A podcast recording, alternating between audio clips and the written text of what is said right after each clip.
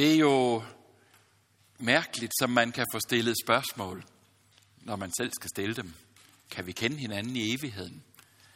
Nogle gange så kunne man måske i virkeligheden have stillet spørgsmål. Det kom jeg til at tænke på, da jeg kom her. For det er første gang, jeg er i Hans Tavsens hus.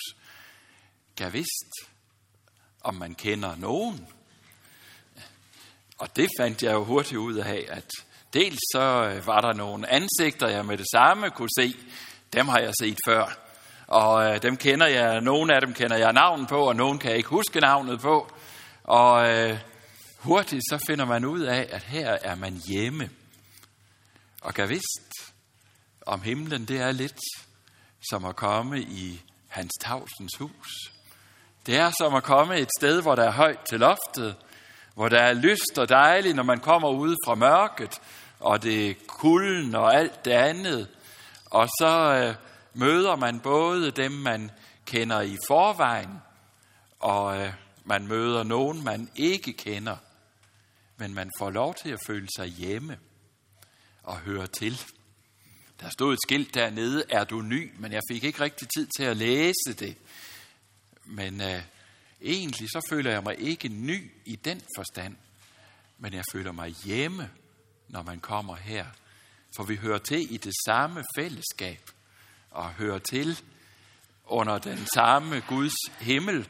Vi hører hjemme i den samme tro på Jesus Kristus. Og vi er på vej i samme retning. Selvom jeg bor et andet sted, og som min sidemand spurgte, er du ikke ret ny som præst? Jo, det er jeg. Jeg har kun været 26 år i vor Gud, så det er næsten ingenting. Jeg havde altså også en forgænger, der var der i 40 år, så det, det er et sted, man bliver længe. Jeg har glædet mig til at være sammen med jer. Jeg har glædet mig til at dele nogle af de her tanker. Skal vi kende hinanden? Hvad er evigheden? Hvad er det, vi er på vej imod? Det er ikke så tit, vi sætter ord på det. Det er heller ikke sikkert, at øh, vi til nærmelsesvis får sat alle de ord på, som øh, nogen af jer har tænkt eller kunne tænke sig. Men vi kan tage lidt fat. Og så vil jeg godt love, at når vi måske efter vi har fået en kop kaffe, så tager vi os tid til at lytte til hinanden. Der er nogen, der måske har nogle spørgsmål, nogen, der har nogle erfaringer, de har lyst til at dele, eller en indsigt, de har fået lov at få, som de vil dele. Og så tager vi det med. Hvor er vi på vej hen? Vi er fælles om at være på vej. Være på vandring. Være på vandring i vores liv. Være på vej. Og så kan man jo som præst ikke lade være med at tænke. Nu har jeg fire søndage i træk fået lov til at stå ved døbefonden og døbe børn hver søndag. Tænk sig at få lov at være med, når livet begynder. Ikke bare livet øh, i mors liv, men livet med Gud. Få lov til at sige de ord, som jeg bare må sige det på Jesu vegne. Jeg vil være med dig alle dage lige til verdens ende. Det er ikke meningen, du skal gå alene. Lille barn. Eller barn, der måske var barn for længe, længe siden nu. Jeg hørte om nogen, der havde haft diamantbryllup. Og hvad er det så at have været 26 år et sted, hvis man har været gift i 60 år? Så er det noget andet, man måler på. Men stadigvæk på vej fra dåbens gave og frem mod evigheden. Sammen med Jesus. Følges med ham.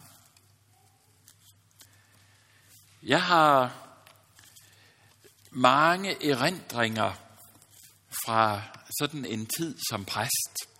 Men jeg har faktisk også en del erindringer, som knytter sig specielt til mit eget liv og mine egne oplevelser med det at stå nært på et menneske, som så en dag dør og bliver væk.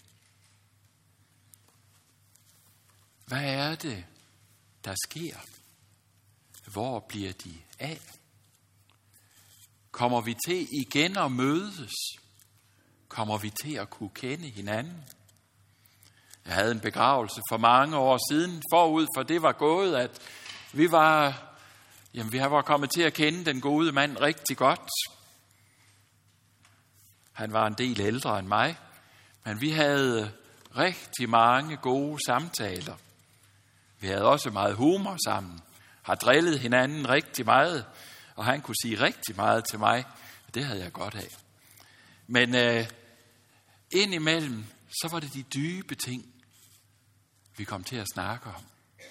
Det var der også, da han så blev syg, alvorligt syg og blev opereret, og det kunne ikke hjælpe. Kræften havde overtaget, og øh, tog ham en dag. Men undervejs der fik vi snakket. Snakket om trygheden i at have et levende håb. Talte om lyset, han var på vej imod. Talte om, hvor trygt det var at være på vej med Jesus ved hånden. Også de steder, hvor jeg ikke kan se, og hvor frygt og håbløshed overvælder mig, der var han den, der bar sit lille lam, som den gode hyrde på vejen hjem. Der var så mange gode ting, vi fik snakket om. Men så en dag sad jeg med hans børn og hans enke, kone. Og så sad vi og snakkede, og så siger de til mig, Gert, tror du, vi kommer til at kende vores far i evigheden?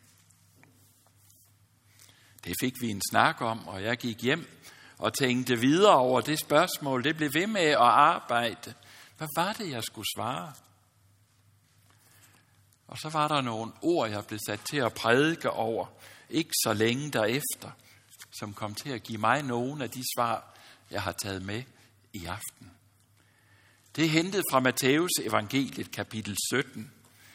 Det har som overskrift forklarelsen på bjerget. Og det lyder sådan. Seks dage efter tog Jesus Peter og Jakob og hans bror Johannes med sig og førte dem op på et højt bjerg, hvor de var alene. Og han blev forvandlet for øjnene af dem, og hans ansigt lyste som solen, og hans klæder blev hvide som sne. Og se, Moses og Elias kom til syne for dem og talte med ham. Så udbrød Peter og sagde til Jesus, Herre, det er godt, at vi er her. Hvis du vil, bygger jeg tre hytter her. En til dig, og en til Moses, og en til Elias. Mens han endnu talte, der se, der overskyggede en lysende sky dem, og der lød en røst fra skyen. Det er min elskede søn. I ham har jeg fundet velbehag. Hør ham. Da disciplene hørte det, faldt de ned på deres ansigt og blev grebet af stor frygt. Men Jesus gik hen og rørte ved dem og sagde, rejs jer og frygt ikke. Og da de løftede deres blik, kunne de kun se Jesus alene.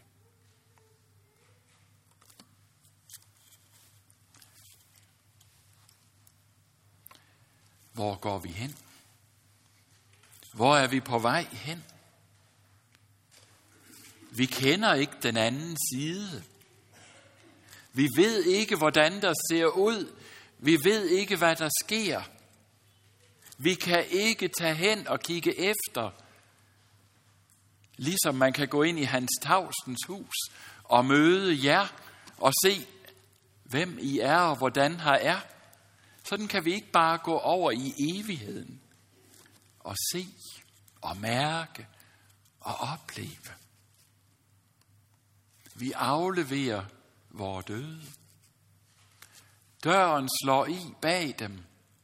Der er ingen håndtag, men der er bare lukket. Der er et farvel.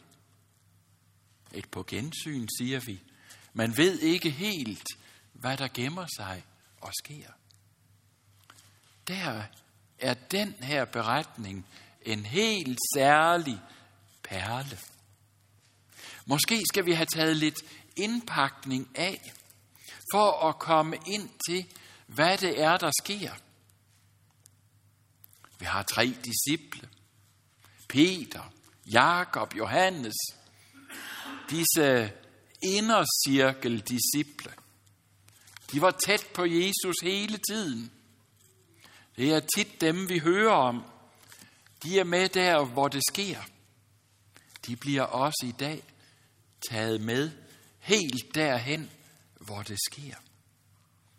Hvad er det, der sker? Jo, de bliver taget med af Jesus ind i en helt anden verden. Det er som om, de træder ud af vores verden og ind i en helt anden verden. Kontrasten er meget større end at træde ud fra den mørke gade og herind, hvor vi er nu. Det er en anden verden. De mærker det. Jesus bliver forvandlet for øjnene af dem. Det bliver lyst. Der bliver stille.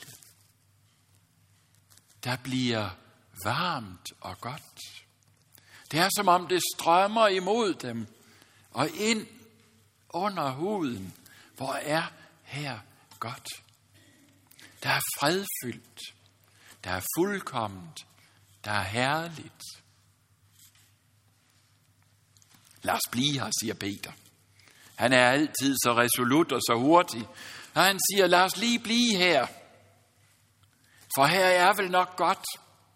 Her skal vi ikke væk fra. Lad mig lige bygge nogle hytter, så vi kan blive her og fortsætte. For her er godt. Hvad er det, der er sket? Jo, det er som om Jesus sammen med sine tre disciple er trådt ind over en usynlig grænse. Grænsen mellem vores verden og Guds rige. Jesus sagde det egentlig ganske tit, og jeg tror ikke, disciplene fangede det, og måske gør vi heller ikke. Vi hører, at Jesus siger til folk eller forkynder, Guds rige er kommet nær. Men hvad betød det? Det betød, at Jesus kunne tage sine tre disciple ved hånden, og så trådte de et enkelt skridt, nogle skridt op ad et bjerg, og pludselig var de i en helt anden verden. De var trådt ind i Guds rige. De var trådt lige fra vores virkelighed og ind i Guds virkelighed. De var trådt lige fra den verden, vi kender, og direkte ind i Guds verden. De var trådt fra smerternes og mørkets verden direkte ind i lysets, kærlighedens, varmens, fuldkommenhedens verden. De var trådt lige fra vores tid og ind i evigheden, hvor tiden ikke er mere. Det overgår fuldstændig min evne til at forstå. Jeg forstår alting i tid. Så sker det, og så sker det. Så har jeg mødt den ene eller den anden, og nogen er det 10, og nogen er det 20 år siden, jeg har mødt. Og sådan har vi reddet på det. Men her træder de ind over en grænse, hvor tiden ikke er tid, som jeg kender det. Og hvor verden ikke er verden, som jeg ellers kender det. Tænk sig, der bliver man ikke gammel. Tænk sig, der bliver jeg god til at huske.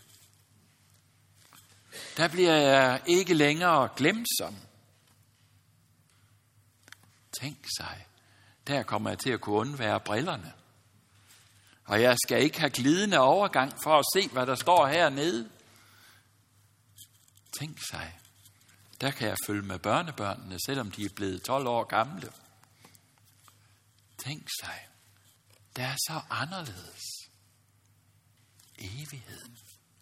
Ikke til at fatte. Hvad er det, der er sket? Ja, der er tre ting, jeg lægger mærke til her i det her, vi lytter til om Jesus. Det første, jeg lægger mærke til, det er, hvem de tre disciple sammen med Jesus får lov at møde. De møder Moses. Og de er jo slet ikke i tvivl om, at det er Moses, de møder. Lad mig bygge hytter til dig, Jesus, og til Moses og Elias. Men Moses, det var jo 1300 år siden, han var død. Det var 1300 år siden, han havde virket. Startet som et lille barn, der blev sat ud i en kur ude på Nilen, for ikke at skulle lade livet. Og som var blevet taget ind af en prinsesse og blevet prins. Og 40 år gammel, der lavede han det, som han selv synes var det rigtige, men som jo var dumt. Som førte til, at han blev smidt ud, da han havde slået en, Ægypter, en egyptisk slavepisker ihjel. Så var han øh, 40 år borte. Og så kom han tilbage. Og som 80-årig blev han sat til at føre folket, eller gå foran folket ud af Ægypten. Og 120 år gammel, på kanten ind til Israel, døde han og blev taget hjem til Gud. Det er ham, de står og snakker med. De er slet ikke i tvivl om, det er Moses. Goddag, Moses. Det var da godt nok spændende at få lov at lytte til dig og møde dig. Og den anden, de møder, Elias. Jamen, det var jo Guds helt store profet. Det var 850 år siden, han havde virket. De kendte jo alt til ham, disciplene, for det havde de fået fortalt igen og igen, hvordan Elias på Karmels bjerg havde stået helt alene som Guds profet og talt de 400 Baals profeter midt imod. Og hvordan han havde sagt, lad os nu se, hvem der tilbeder den levende Gud. Lad os hver bygge et alter og påkalde den Gud, som vi påkalder, til at tage offeret. Og vi kender også historien. Hvordan det var Baals profeterne råbte og skreg, og der skete ingenting. Og hvordan Elias stilfærdigt kunne bede til Gud. Og så kom ilden fra himlen og slikkede både alderet og, og hvad hedder det, brændofferet og alt vandet, som var pøst på. Og det var væk. Elias. De var ikke i tvivl om, at det var Elias, de mødte. De var ikke i tvivl om, at det var Elias, de stod over for og snakkede med. På lige fod. Jamen tænk engang. Det var næsten som at være på lige fod med dronning Margrethe eller en anden. Det var det første, jeg lagde mærke til. Hvem de mødte. Det var jo nogen, der var døde for længe siden men de var levende hos Gud. Det var nogen, der var døde for længe siden, men de kunne umiddelbart kende dem. De var ikke i tvivl, hvem de stod overfor, og hvem de snakkede med. Det var det første. Det næste, jeg lægger meget mærke til, det er, hvor tæt Guds og vores virkelighed er på hinanden. Gud, det er ikke sådan en, der er og har sin verden et sted oppe bag skyerne. Det er længe siden efterhånden, at russerne sendte en kosmonaut Gagarin i kredsløb om jorden som den første, der kom uden for vores atmosfære. Og han kom ned og blev spurgt, Nå, så så du så Gud deroppe bag ved skyerne. Nej, nej, han havde ingenting set, sagde han til journalisterne. Og selvfølgelig havde han ikke det. For det er jo ikke der, Gud er. Gud er ikke en fjern Gud. Guds rige er helt tæt på. Det er bare et enkelt skridt, så kan jeg være der. Og et enkelt skridt, så er jeg tilbage i vores verden. Det er næsten som at være herude ved døren. Et enkelt skridt, så er jeg ude i mørket. Et enkelt skridt, så er jeg herinde i lyset. Så tæt er Guds virkelighed. Så tæt er Guds rige på os. Bare et enkelt skridt. Vi kan huske det også med Jesus efter opstandelsen. Hvordan dørene var lukkede, og disciplene sad bange i Jerusalem i salen og gemte sig. De havde lukket til for, at ikke nogen skulle komme ind.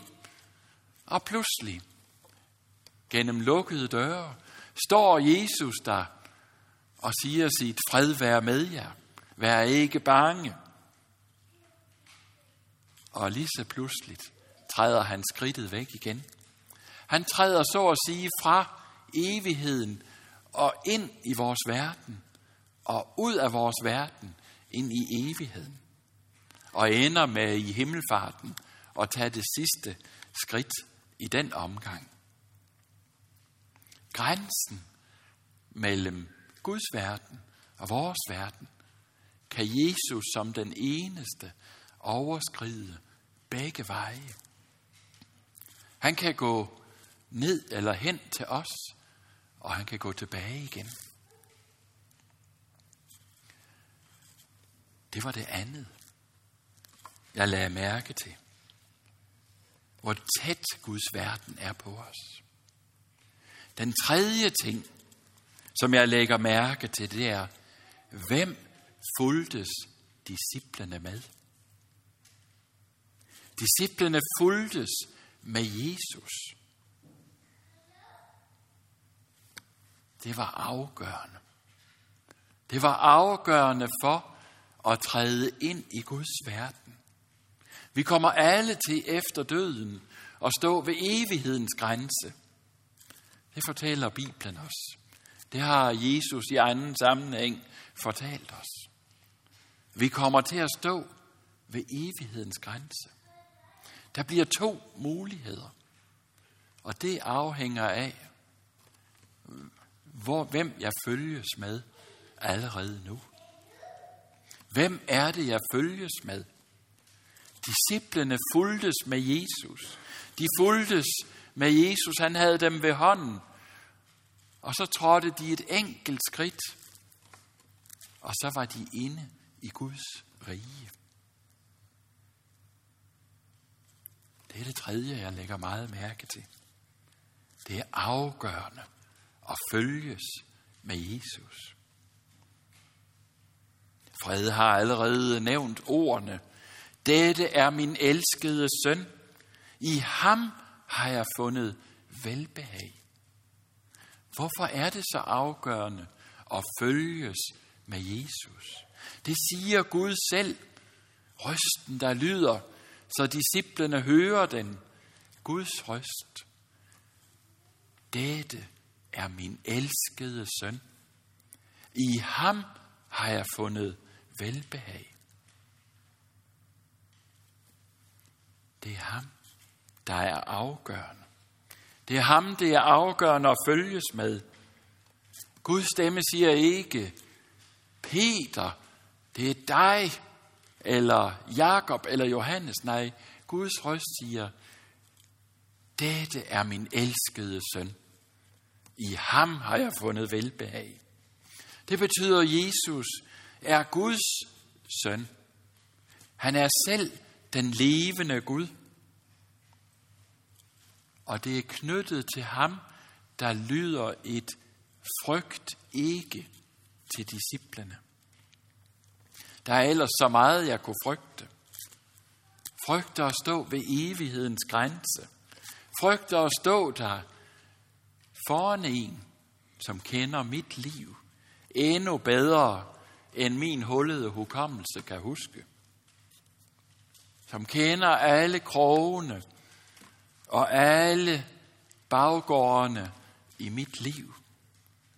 Som kender alt det, som mit liv også er. Det er masser af glæde. Det er masser af kærlighed. Men det er jo også egoisme. Det er jo også, at jeg tænkte på mig selv først. Det er jo også de ord, jeg aldrig skulle have sagt. Det er jo også alle de tanker, jeg aldrig skulle have tænkt. Og hvis jeg står der og bliver gennemskuet hele mit liv, sådan som de tre disciple også blev gennemskuet, der bliver det afgørende, at jeg står der sammen med ham, som Gud siger om, dette er min elskede søn. I ham har jeg fundet velbehag. Og så hører vi, hvordan de træder tilbage over grænsen til vores verden. Og med ordene, de så kun Jesus alene. Det var det, Gud lod dem se som svar på deres frygt. For de havde lært det. Der er ingen, som har ser Gud, der kan leve. Der er ingen sønder, der kan stå foran Gud og overleve det. Der vil man gå til i dom og undergang. Men Gud lod dem se Jesus alene.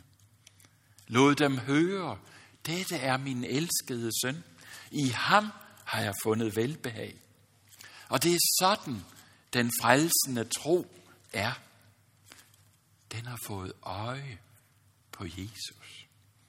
Vi har så let ved at gøre tro til noget med at mene det rigtige, til noget med at kunne gøre det rigtige, til noget med at være pæn og poleret, til at have styr på. Men frelsende tro er ikke en hel masse med, at jeg skal have styr på. Det er et spørgsmål om, hvor jeg kigger hen, når mit liv skal bæres. Når mit liv skal løftes. Kigger jeg på Jesus, ham som vi har bag taleren også her.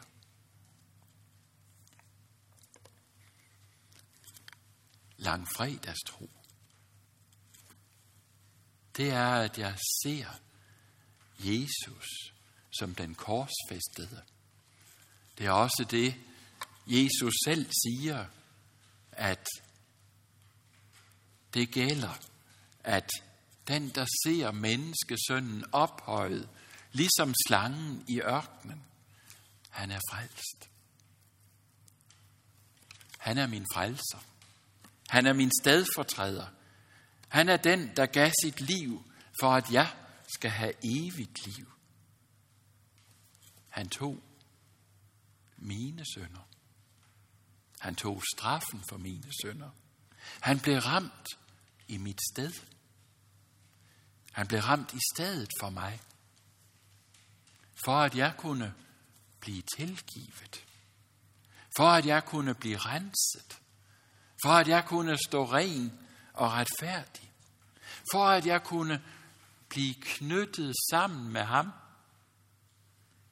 og få lov at træde ind over evigheden og høre et, dette er min elskede søn. I ham har jeg velbehag.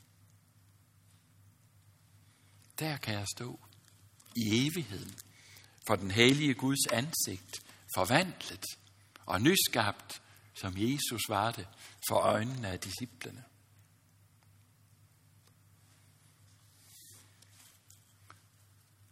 Og så runder vi af. Ikke på den måde, at vi, man kan godt få den fornemmelse, når man lytter sig ind på ord om evigheden. Åh, kunne vi ikke bare blive der? Og sådan en aften, hvor det er godt at sidde sammen med de andre, kunne vi ikke bare blive der? Det er ikke det, Jesus siger ja til. Når han tog disciplene ved hånden med ned af bjerget, ud i den verden, der var fyldt af sygdom og vanskeligheder og vantro og alt muligt andet. Han tog dem med ned i sygdommenes dal, hvor de andre disciple, de stod og kæmpede og med en dreng, der var syg, og der var så meget, der var galt. Meningen med mit liv, så længe jeg lever her på jorden, er ikke, at jeg så at sige skal flytte ud af verden og være et andet sted. Nej, jeg skal være knyttet til Jesus. Og når det gælder evighed og frelse, skal jeg se Jesus alene. Men i forhold til mit medmenneske, der kalder Jesus mig til at gå med ud og sætte mig hos, være derfor, hjælpe, være nær, lindre nød, så evangeliets ord, forkynde håb for de håbløse, forkynde frelse for de fortabte, forkynde lys i mørket, og i det hele taget være der, der hvor mennesker er. Amen. Skal vi bede sammen.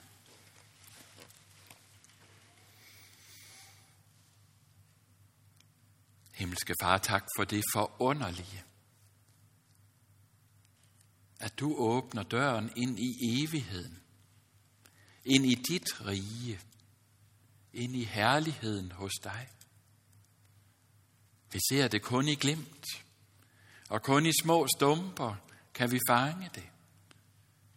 Men hvor er det stort, hvor er det godt, hvor er det herligt, hvor er det fantastisk.